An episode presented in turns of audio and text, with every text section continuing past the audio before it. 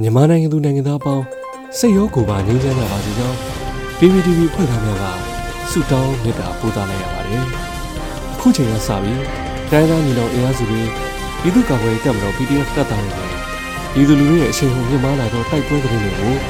စူးစီးတင်ဆက်ပေးသွားတော့မှာဖြစ်ပါတယ်။ကျွန်တော်ຫນွေဦးလင်းပါပထမဆုံးအနေနဲ့ဝေါ်လီရဲစခန်းကို KNDO ပူးပေါင်းတပ်ဖွဲ့ဝင်တိုက် ရဲနှဦးတေဆုံပြီးစခန်းမှုနဲ့ရဲတပ်သား2ဦးအရှင်ဖမ်းပြီး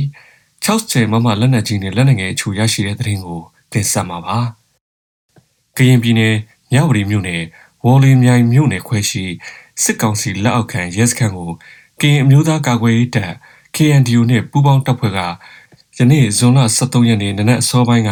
ဝင်ရောက်တိုက်ခတ်ခဲ့ပြီးရဲနှဦးတေဆုံးခါစခန်းမှုနဲ့ရဲတပ်သား2ဦးကိုအရှင်ဖမ်းမိကြောင်း 60မမလက်နက်ကြီးတစ်လက်နဲ့လက်နက်ငယ်3လက်ကို KNDO ပူးပေါင်းအဖွဲ့ကတင်ပိုက်ရရှိခဲ့ကြောင်းသတင်းရရှိပါရယ်။အဆိုပါရဲစခန်းသည်ဝေါ်လီမြို့ပြင်တွင်တည်ရှိပြီးဝေါ်လီစစ်ကောင်စီဗျူဟာကုန်းနှင့်မလန်းမကန့်တွင်တည်ရှိတာပါ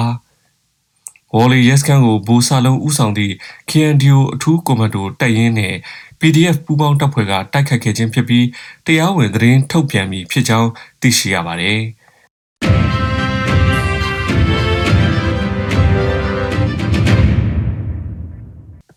ဆလဘီကချင်နဲ့စကိုင်းအဆက်မိုးညင်းနဲ့အင်းတော်ကြားတွင်တိုက်ပွဲဖြစ်ပြီးစစ်သား9ဦးသေဆုံးကောလင်းတွင်စစ်သား9ဦးသေဆုံးတဲ့တဲ့ရင်ကိုတင်ဆက်မှာပါ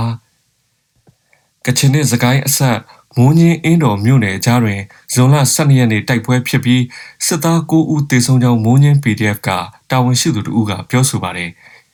မိုးညင်းနဲ့အင်းတော်မြို့နယ်ကြားနန်စီအောင်နဲ့မော်လူကြား လဲကူးတောင်အနားတွင်ထိုးစစ်ဆင်လာသောစစ်အင်အား100ပါစစ်ကြောင်းကို PDF ကလက်နက်ကြီးလက်နက်ငယ်များပရိသာမိုင်းများဖြင့်တိုက်ခိုက်ရာစစ်သား9ဦးပွဲချင်းပြီးသေဆုံးပြီးဒဏ်ရာပြင်းထန်သူ2ဦးမှလည်းမိုးညင်းဘက်သို့ပို့ဆောင်စဉ်သေဆုံးကြောင်းဒဏ်ရာရရှိသူစစ်သား30ကျော်ရှိကြောင်းမိုးညင်း PDF တာဝန်ရှိသူကဆိုပါတယ်။ အလားတူစကိုင်းတိုင်းကောလင်းအရှိချမ်းဗဒုံမာဘတ်တွင်လည်းဇွန်လ12ရက်နေ့တိုက်ပွဲဖြစ်ပွားပြီးစစ်သား9ဦးသေဆုံးကြောင်း PDF သတင်းရင်းမြစ်ကရန်ကုန်ခေတ်သစ်သတင်းဌာနသို့အတည်ပြုပြောဆိုပါတယ်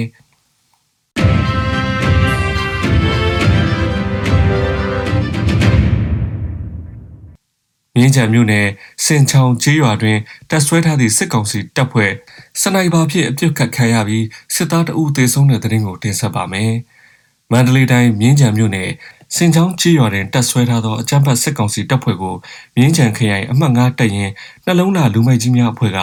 ဂျမနီဇွန်လ17ရက်နေ့နနက်7:00နာရီတွင်စနိုက်ပါဖြင့်ပစ်ခတ်ရာစစ်သားတအုပ်တေဆုံးသောကြောင်းသိရရှိပါသည်။နှလုံးသားလူမိုက်ကြီးများအဖွဲ့ကစနိုက်ပါဖြင့်ပစ်ခတ်ရာထိမှန်ဒဏ်ရာရရှိသောစစ်သားကိုထပ်မံပစ်ခတ်ရာတေဆုံးသောကြောင်းကျန်စစ်သားများမှနောက်လက်မကြည့်ဘဲထွက်ပြေးသွားကြကြောင်းထုတ်ပြန်ထားပါတယ်။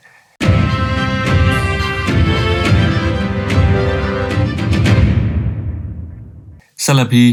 ရေစကြိုနဲ့မြောင်တွင်စစ်ကောင်စီဆက်လေစစ်ကြောင်းများတိုက်ခတ်ခံရပြီးဗိုလ်တအူးပါဝင်စစ်သားနယ်ပြူစောထီး10ဦးသေဆုံးတဲ့တဲ့ရင်ကိုတင်ဆက်မှာပါ။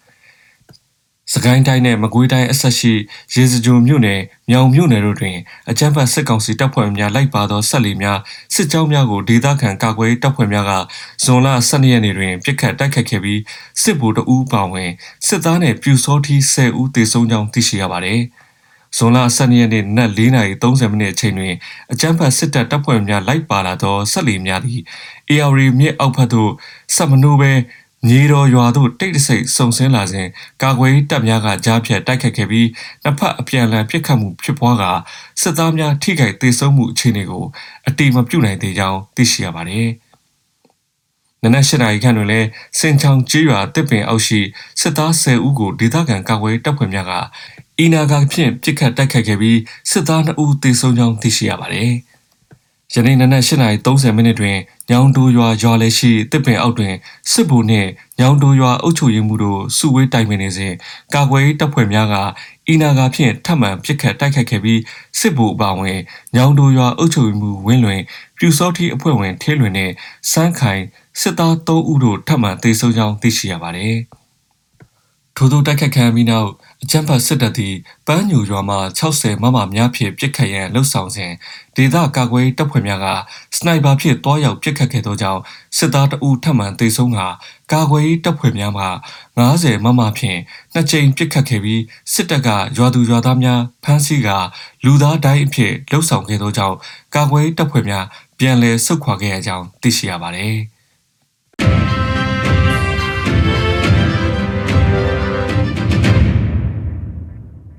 နောက်ဆုံးအနေနဲ့အမျိုးသားညီညွတ်ရေးအစိုးရပြည်ထောင်စုနဲ့လူမှုကြီးကြပ်ရေးဝန်ကြီးဌာနက2022ခုနှစ်ဇွန်လ23ရက်နေ့ရက်စွဲနဲ့ထုတ်ပြန်တဲ့ပြည်သူ့ခုခံတော်လှန်စစ်သတင်းချက်လက်တွေကိုတင်ဆက်ပေးသွားမှာပါ။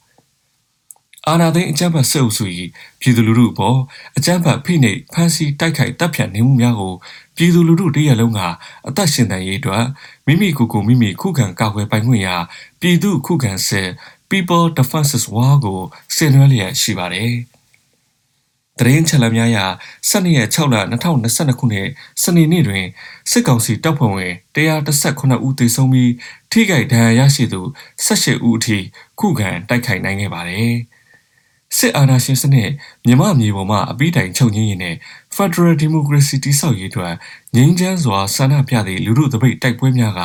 ပြည်내နဲ့တိုင်းဒေသကြီးများမှာ ဖြစ်ပွားပေါ်ပေါက်လျက်ရှိပါတယ်။မြေပြင်မှာယခုတွေ့ရတဲ့သတင်းအချက်အလက်များထက်ပို၍ဖြစ်ပွားနိုင်ပါတယ်ခင်ဗျာ။